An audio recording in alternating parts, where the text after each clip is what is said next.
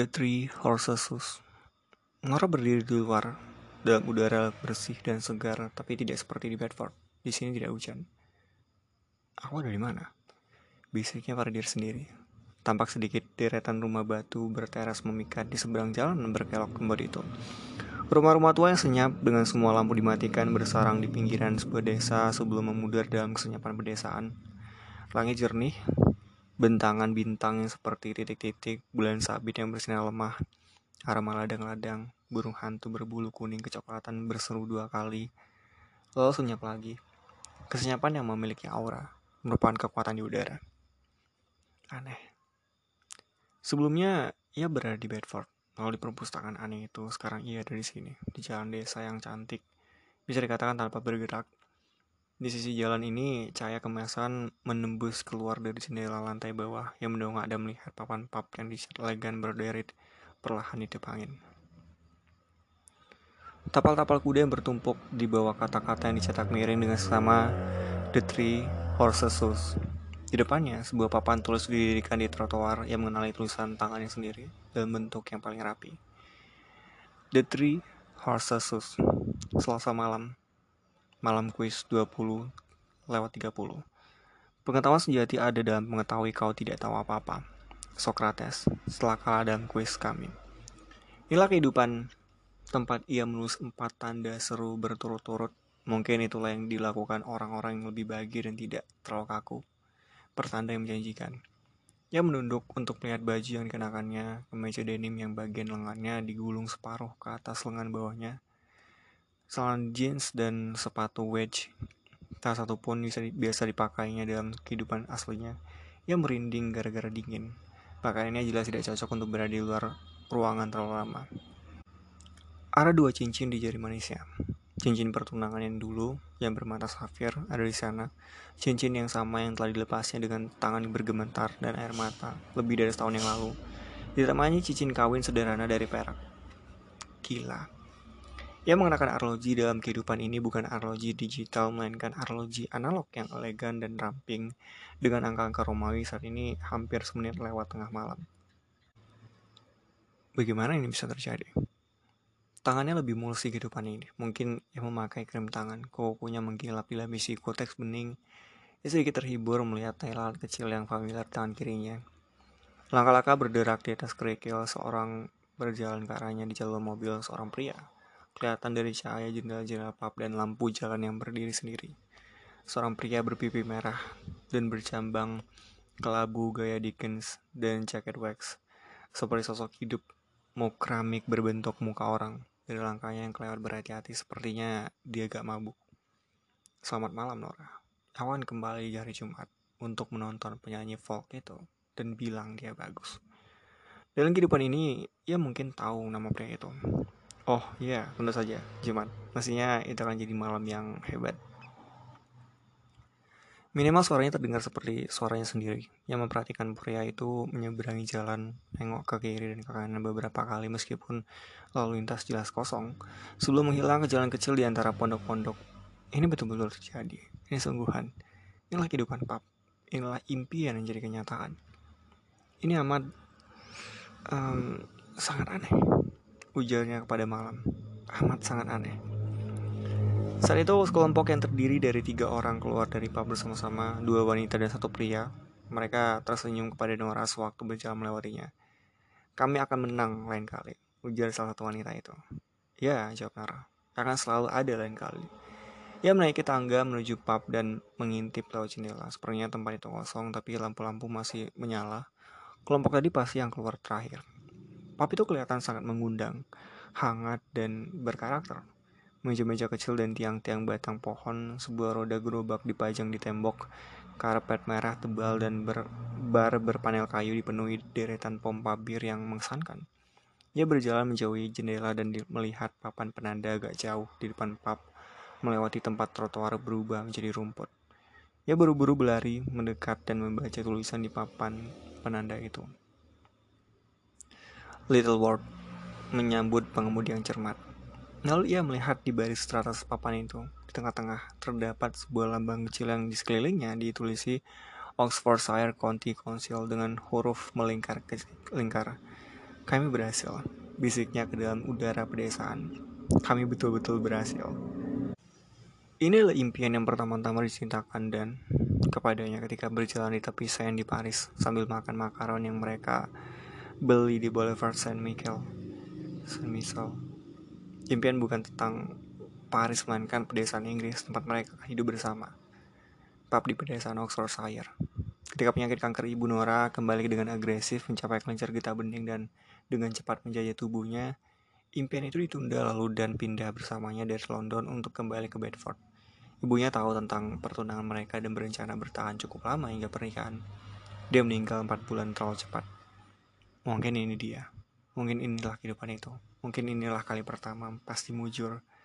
Atau kali kedua pasti mujur. Nora mengizinkan diri tersenyum was-was.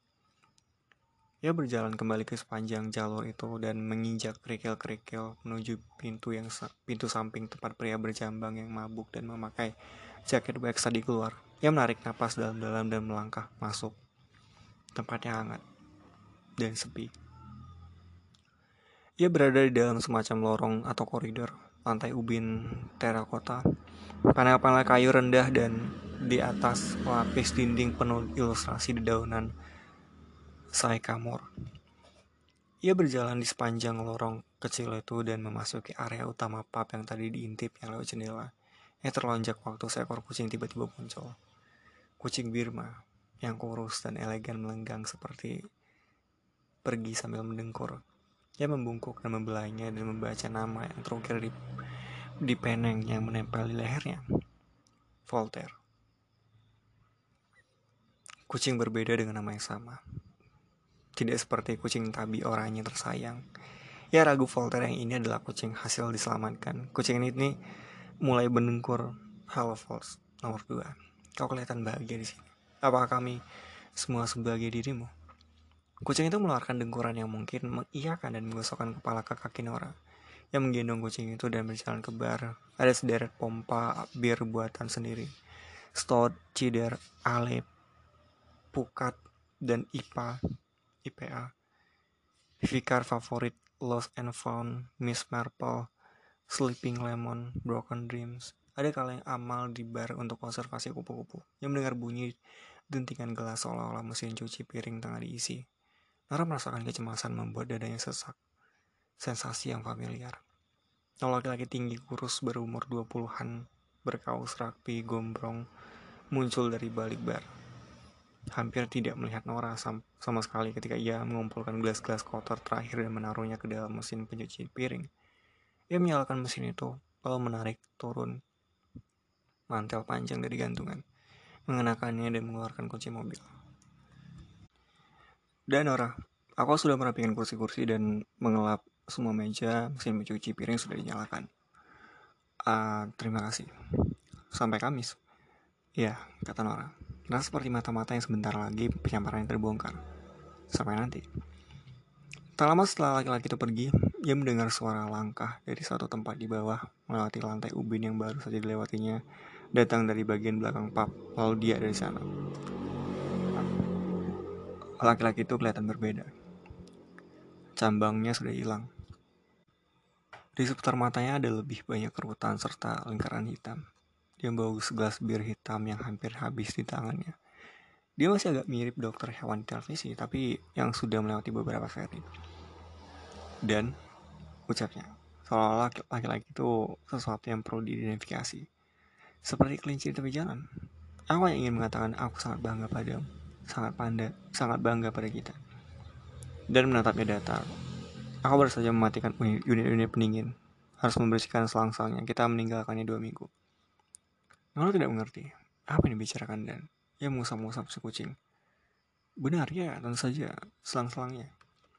Suaminya karena dalam kehidupan ini laki-laki itu adalah suaminya mengedarkan pandangan ke sekeliling meja-meja dan kursi-kursi yang dibolehkan yang memakai kaos Jaws Belel, apa Black dan Sophie sudah pulang. Nora ragu-ragu. Yang merasa dan tengah membicarakan orang-orang yang bekerja untuk mereka. Pemuda yang memakai kaos rugby gombrong itu mungkin kemungkinan Black, sepertinya tidak ada orang lain. Ya, katanya, berusaha terdengar sewajar mungkin ter terlepas kejanggalan fundamental situasi ini. Kerasa mereka sudah pulang, mereka sudah menyelesaikan segala sesuatunya. bagus ya ingat membelikan kaos Jaws itu untuk ulang tahun dan yang ke-26 10 tahun yang lalu Jawaban-jawaban malam ini betul-betul luar biasa. Selalu tim tempat Pete dan Jolie tergabung berpikir Maradona yang melukis langit-langit Sistine. Nora mengangguk dan mengusap-usap false nomor 2, seolah-olah ia tahu siapa itu Pete dan Jolie. Terus terang, kuis malam ini agak susah. Mungkin lebih baik mengambil soal dari situs lain untuk kuis berikutnya. Maksudku, siapa yang tahu nama gunung tertinggi di pegunungan Kara... Apa namanya? Karakoram. Tanya Nora. Namanya K2. Ya, tentu saja kau tahu. Ujar Dan agak terlalu ketus, agak terlalu mabuk. Itu adalah jenis hal yang akan kau ketahui karena sementara sebagian orang menggemari musik cadas, kau menggemari batu sungguhan dan semua itu. Hei, ujar Nora, aku pernah jadi anggota band. Dan tertawa, Nora mengenali tawa itu, tapi tidak terlalu menyukainya. Ia lupa betapa sering sepanjang hubungan mereka humor dan, tergant dan tergantung, bergantung pada orang lain, terutama Nora. Waktu mereka masih bersama, ia berusaha untuk tidak terlalu memikirkan sisi pribadi dan yang satu ini, dan memiliki banyak sisi lain. Ia sangat baik pada ibu Nora waktu sakit dan dan ia bisa bicara dengan santai tentang segala hal. Ia memiliki banyak impian yang menarik dan teman yang menyenangkan. Dan ia memiliki rencana pada seni dan selalu berhenti untuk mengobrol dengan tunawisma. Ia peduli pada dunia. Orang mirip dengan kota. Kau tidak bisa membiarkan beberapa bagian yang tidak terlalu bagus membuatmu menampik semuanya. Mungkin masih ada beberapa bagian yang tidak kau sukai, beberapa jalan kecil dan daerah pinggiran tidak aman, tapi hal-hal yang bagus membuatnya sepadan. Dan mendengarkan banyak podcast mengesalkan, yang ia pikir harus Nora dengarkan juga. Dan caranya tertawa sungguh menyebalkan. Ia juga berkumur-kumur terlalu keras dengan obat kumur ya ia mendominasi selimut dan kadang-kadang bisa arogan dalam pendapatnya mengenai seni dan film dan musik tapi tidak ada yang kelewat salah pada dirinya.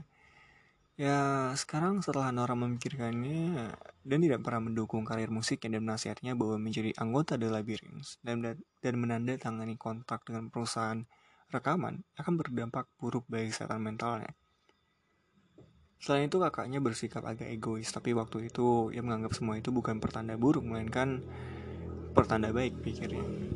Dan peduli, senang rasanya. Memiliki seorang yang peduli yang tidak terganggu dengan ketenaran dan hal-hal dangkal, bisa membantu mengarungi perairan kehidupan.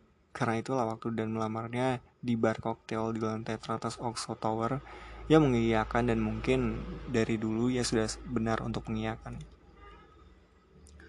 dan melangkah maju ke dalam ruangan, menaruh gelasnya sebentar dan sekarang menekuri ponselnya, mencari-cari soal kuis yang lebih baik buat Pak. Nala penasaran beberapa, seberapa banyak dan minum malam ini. Ya penasaran apakah impian memiliki pub sebetulnya adalah impian untuk meminum supaya alkohol yang tak ada habisnya. Apa nama poligon bersisi 20? Aku tidak tahu. Nara berbohong, tidak ingin mengambil resiko mendapatkan reaksi serupa dengan yang diterimanya barusan. Dan mengantongi ponselnya. Tapi kita melakukannya dengan baik. Mereka semua banyak minum-minum malam ini, lumayan untuk hari Selasa. Segala sesuatunya mulai membaik. Maksudku, ada sesuatu untuk dikatakan pada bank besok. Mungkin mereka akan memberi kita perpanjangan waktu untuk pinjaman itu. Dan menatap bir di dalam gelasnya, memutar-mutarnya sedikit lalu menenggaknya. Tapi aku memberitahu aja untuk mengganti menu makan siang. Tidak ada orang di Little World yang ingin makan selada irisan beet tipis dan kacang fava dan cake jagung. Tempat ini bukan fish Rovia sialan. Aku tahu anggur yang enak, tapi kurasa anggur-anggur yang kau pilih tidak sepadan, apalagi anggur-anggur yang dari California. Oke, okay.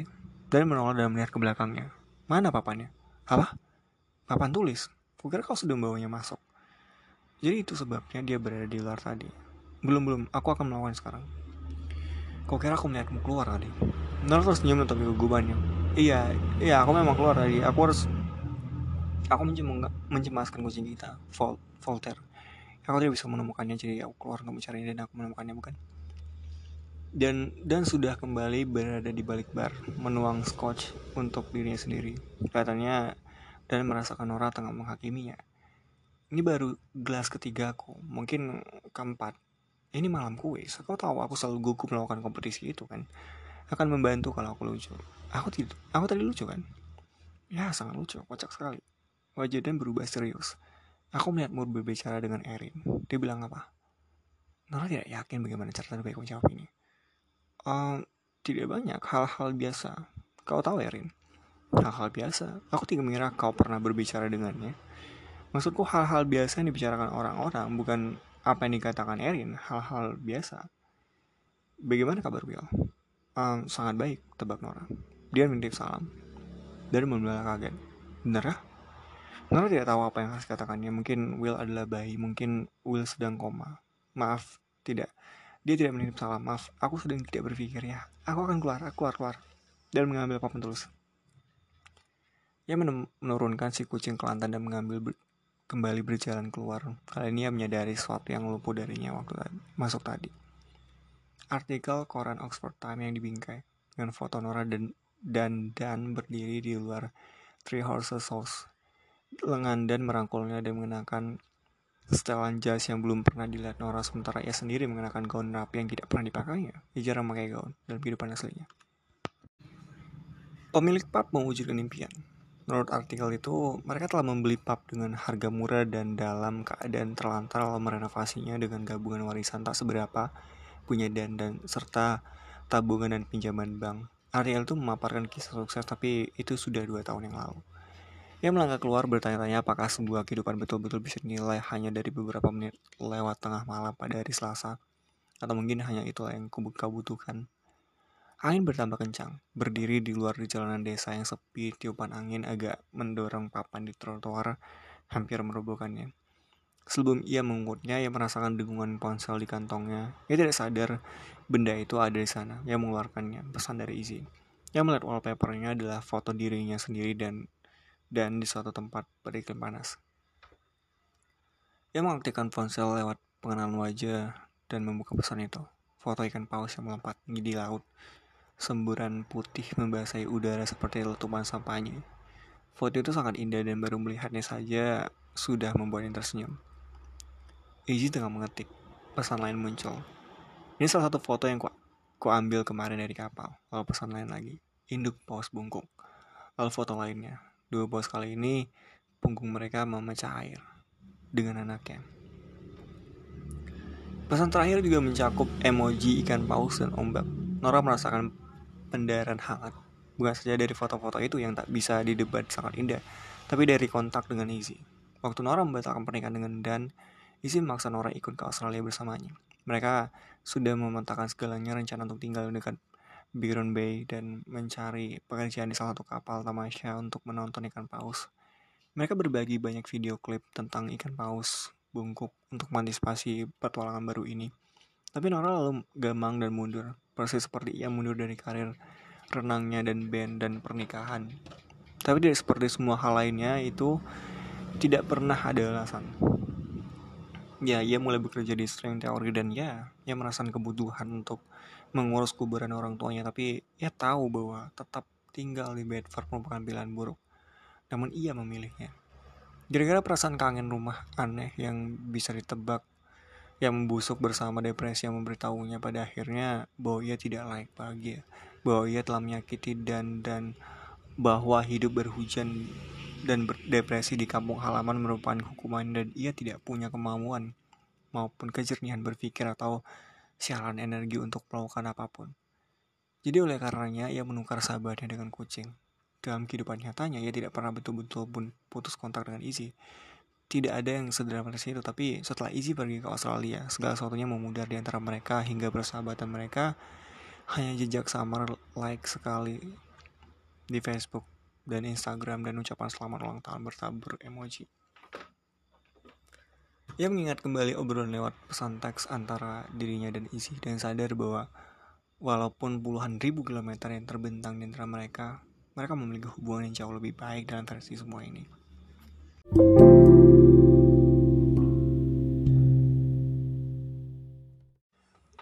Waktu ya kembali ke pub kali ini sambil menggotong papan tulis dan tidak kelihatan di mana-mana. Jadi ia mengunci pintu belakang dan menunggu sebentar. Di lorong pub, mengira-ngira di mana tangannya berada dan tidak yakin apakah betul-betul ingin mengikuti suaminya yang mabuk ke atas sana.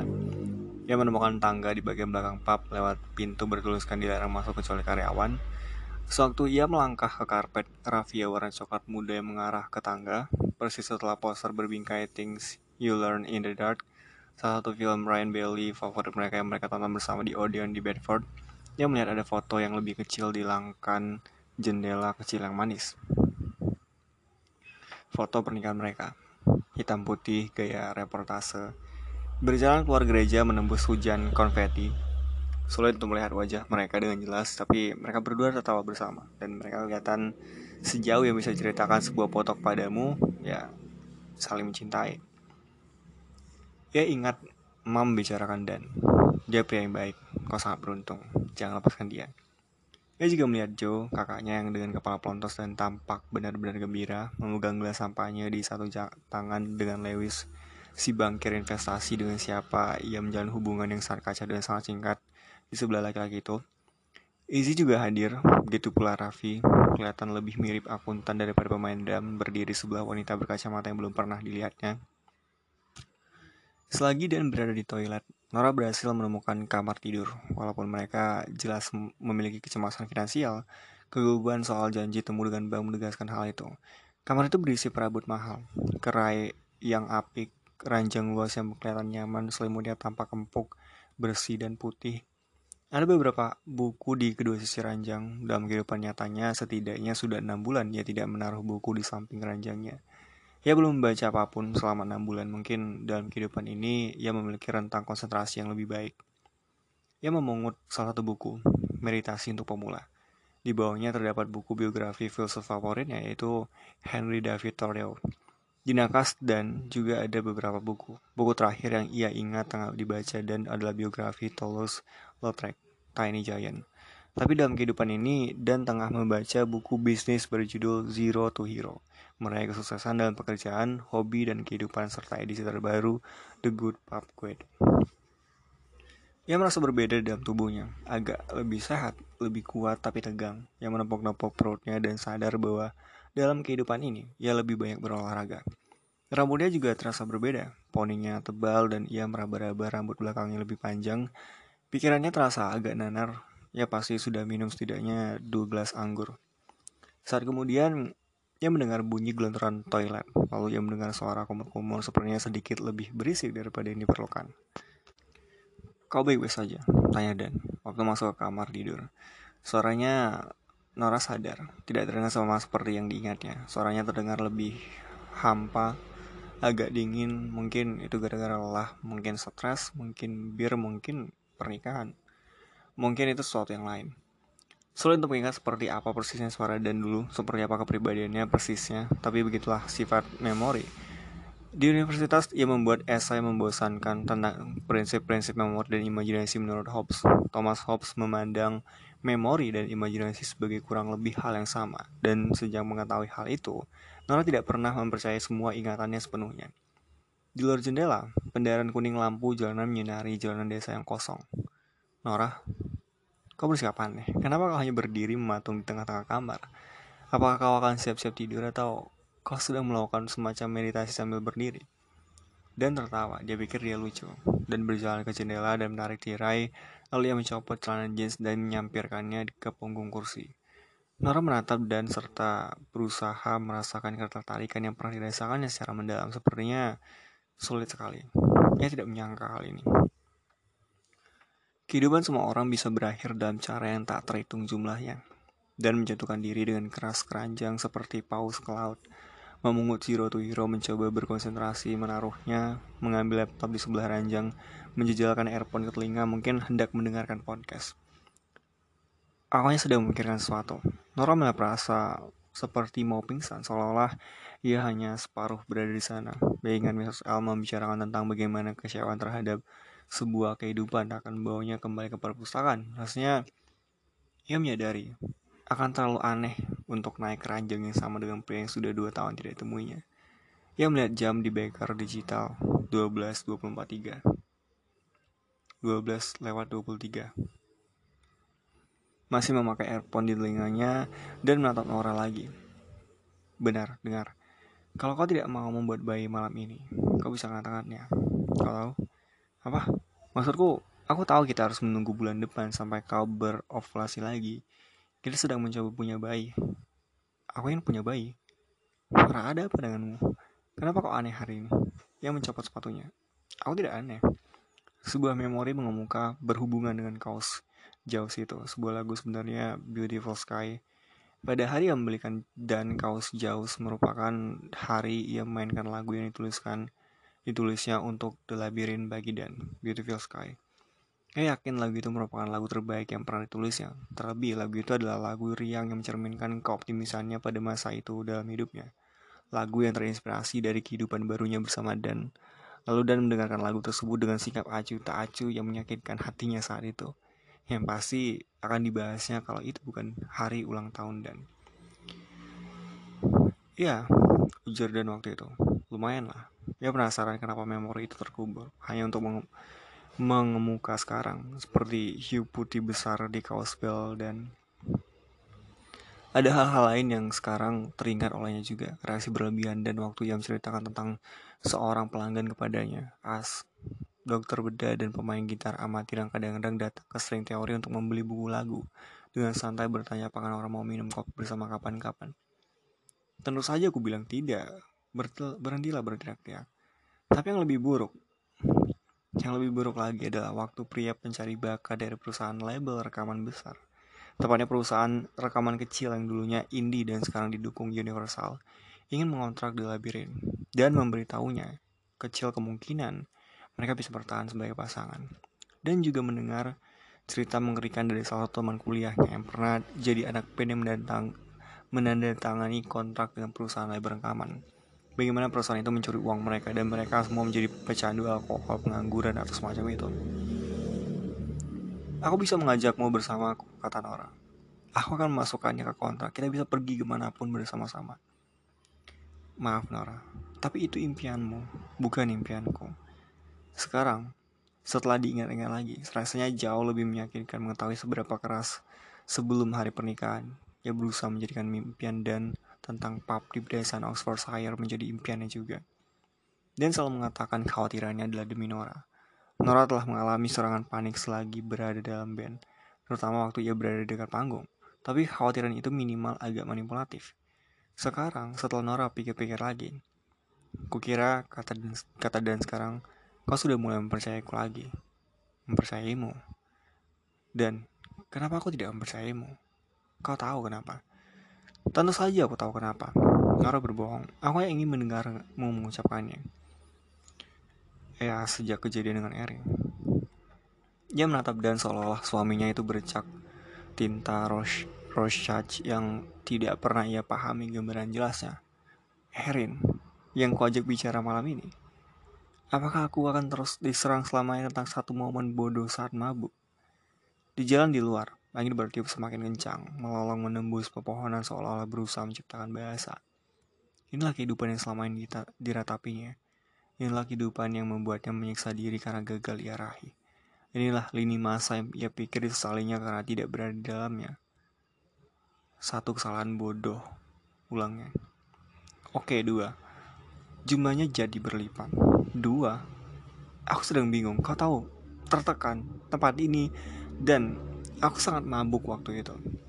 Kau berhubungan seks dengan orang lain seperti kau tidak terlalu berusaha menunjukkan penyesalan.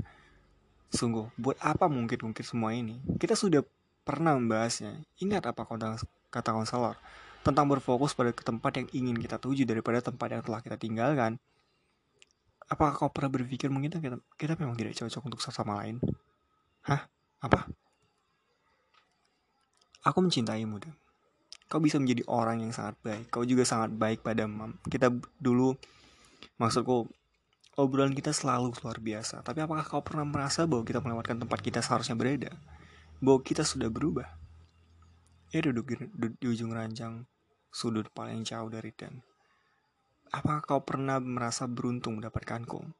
Apakah kau sadar betapa aku nyaris meninggalkanmu dua hari sebelum hari pernikahan kita apa kau tahu betapa kacaunya dirimu seandainya aku tidak muncul pada hari pernikahan kita?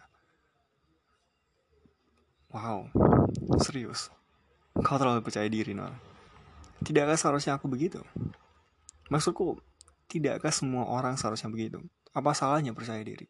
Lagi pula itu benar. Ada semesta lain tempat kau mengirimku pesan-pesan WhatsApp tentang betapa kacaunya dirimu tanpa aku. Bagaimana kau berpaling pada alkohol meskipun sepertinya kau juga berpaling pada alkohol saat bersamaku. Kau mengirimiku pesan-pesan yang mengatakan kau merindukan suaraku. Dan mengeluarkan suara merendahkan antara suara tawa dan geraman. Ya, saat ini aku jelas tidak merindukan suaramu. Nora tidak sanggup mencopot hal lain selain sepatunya yang merasa berat, mungkin mustahil untuk mencopot hal lain dari badannya di depan dan. Selain itu, berhentilah membahas kebiasaan minum-minumku. Kalau kau menggunakan minum-minum sebagai alasan untuk tidur dengan wanita lain, aku bisa terus membahas kebiasaan minum-minummu. Aku pemilik pub di desa dan mendengus. Itulah yang dilakukan pemilik pub di desa, bersenang-senang dan bergembira dia dan bersedia ikut serta menikmati aneka ragam minuman yang kita jual. Ah, demi Tuhan. Sejak kapan dan berbicara seperti ini? Apakah dari dulu dia selalu berbicara seperti ini? Sialan dan dan sepertinya bahkan tidak terganggu tampak bersyukur dalam segala hal atas semesta tempatnya berada. Semesta yang membuat Nora merasa sangat bersalah karena menggagalkannya dan meraih ponsel masih menang masih memangku laptop di atas selimut. Nora memperhatikannya menggulung layar. Inikah yang kau bayangkan? Apakah impian ini berhasil? Nora, tolong jangan lakukan omong kosong berat ini sekarang. Naik saja ke tempat tidur, sialan. Apakah kau bahagia, Dan? Tidak ada orang yang bahagia, Nora. Beberapa orang bahagia. Dulu kau bahagia. Dulu kau selalu bersemangat waktu membicarakan ini. Kau tahu, papi ini, sebelum kau memilikinya, ini kehidupan yang kau impikan. Kau menginginkanku dan kau menginginkan ini. Tapi kau ternyata menyeleweng dan minum-minum dan kurasa kau hanya menghargaiku saat kau tidak memilikiku. Dan itu bukan sifat yang bagus. Bagaimana dengan impian-impianku? Dan hampir tidak mendengarkan atau berusaha kelihatan tidak mendengarkan kebakaran besar di California, Jordan, hampir kepada dirinya sendiri. Ya setidaknya kita tidak ada di sana. Dan menaruh ponsel menutup laptop, kamu tidur atau tidak. Ia telah mengecilkan diri demi Dan. Tapi Dan masih tetap tidak menemukan ruang yang dibutuhkan pria itu. Cukup sudah. Iko Sagon, katanya pada Dan. Apa? Kuis. Yang tadi. Polygon berisi 20. Ya, poligon bersisi 20 disebut Iko Sagon. Aku tahu jawabannya tapi tidak memberitahumu karena aku tidak ingin kau Aku tidak ingin kau mengejakku. Sekarang aku tidak peduli karena menurutku fakta aku tahu beberapa hal yang tidak kau ketahui seharusnya tidak mengganggu. Lagi pula, aku akan pergi kamar mandi. Ia pun meninggalkan Dan yang menganga dan berjalan perlahan di atas lantai papan keluar kamar. Ia mencapai kamar mandi, menyalakan lampu, lengan, kaki, dan torsonya tergelitik seperti listrik statik sewaktu mencari stasiun radio. Ia mulai memudar. Ia yakin, waktunya di sini tak akan lama lagi. Kekecewaannya sudah komplit. Kamar mandi itu mengesankan. Ada cermin. Ia terkesiap melihat pantulan dirinya. Ia, ter ia kelihatan lebih sehat tapi juga lebih tua. Rambutnya membuatnya kelihatan seperti orang asing. Ini bukan kehidupan yang dibayangkannya. Nora mengucapkan semoga beruntung kepada diri di cermin. Setelah itu, ia pun kembali ke suatu tempat di dalam perpustakaan tengah malam, dan Mrs. Elm mengamatinya agak jauh sambil tersenyum penasaran. Nah, bagaimana tadi?